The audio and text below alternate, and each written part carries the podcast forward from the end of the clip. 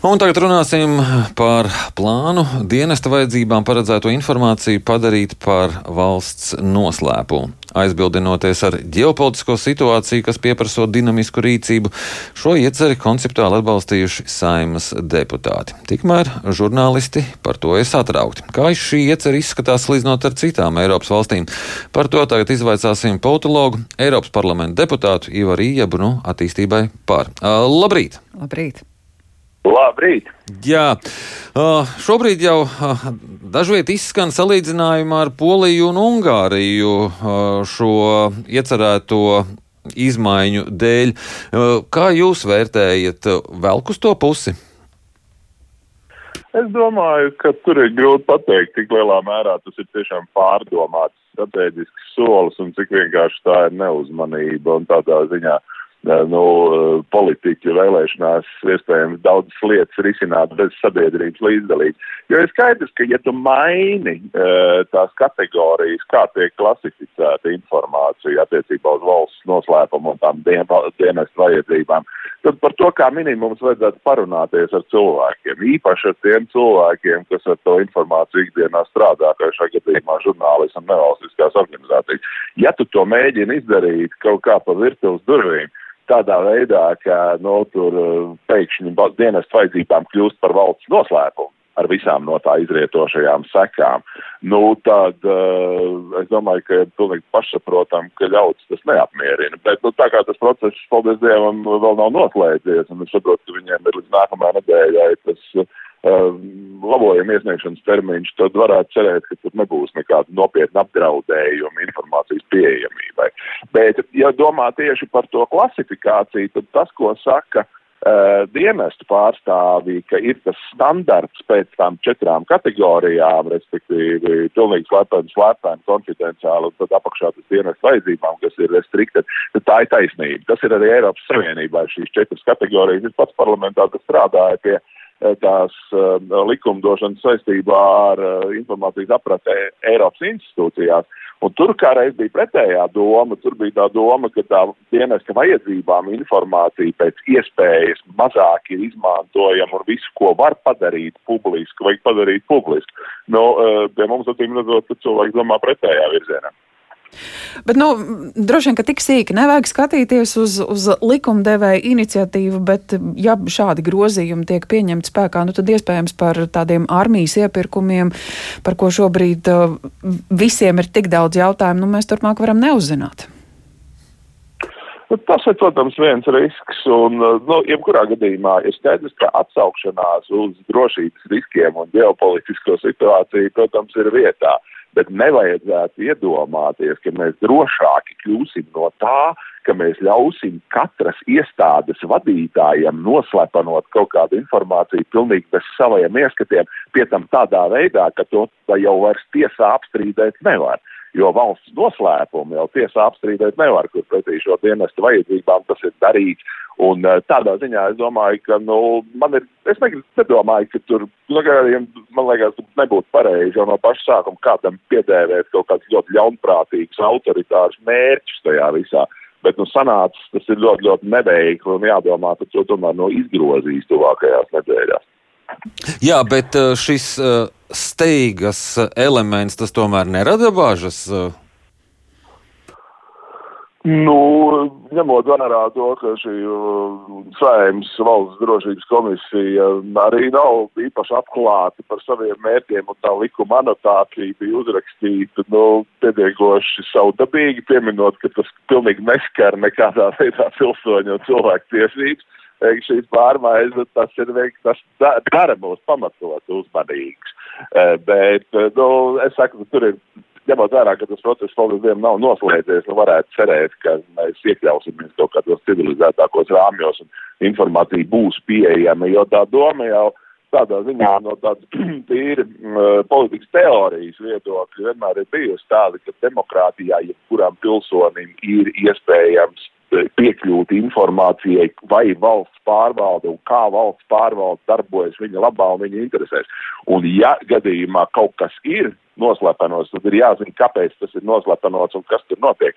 Bet eh, tas nevar būt otrādi, tā ka viss ir aizliegts, un tad varbūt kaut ko tā valsts pārvalde izdomā atļaut no savas puses.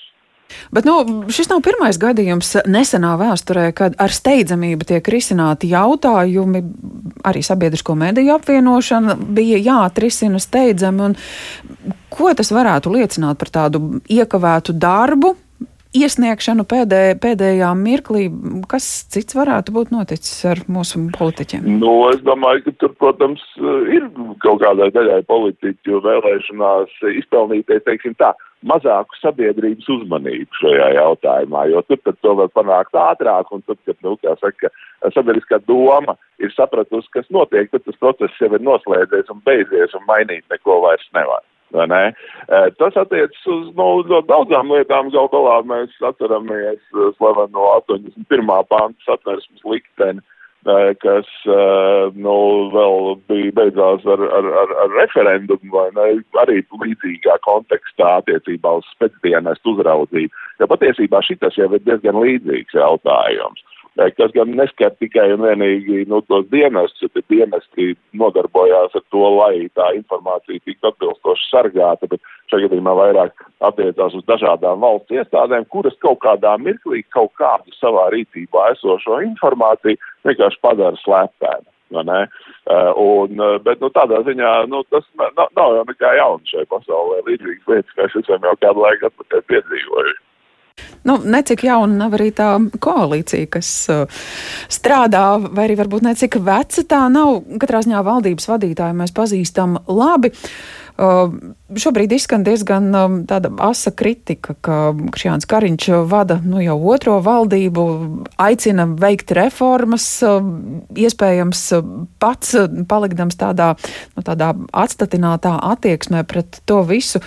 Kā jūs raugāties, cik, cik sekmīgi šobrīd strādā valdība, skatoties arī uz tiem iespējamiem streikiem?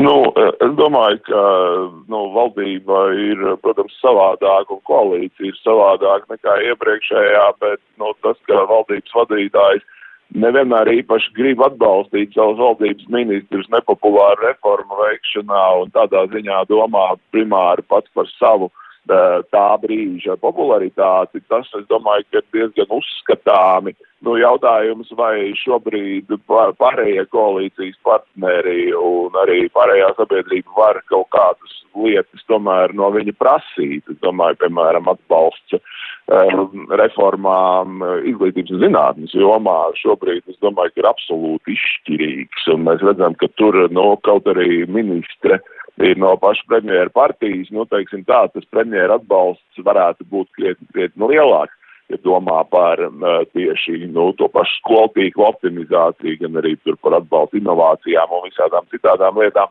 Bet, kad no tādā veidā raugoties, nu, skaidrs, ka nu, tā, tas lielais mandāts, kurš ir jaunajai vienotībai šajā saimā, nāk ar saviem pienākumiem un izvairīties no tās atbildības par nozarē notiekošo, vairs nebūs tik vienkārši, kā tas bija uh, iepriekšējā saimā.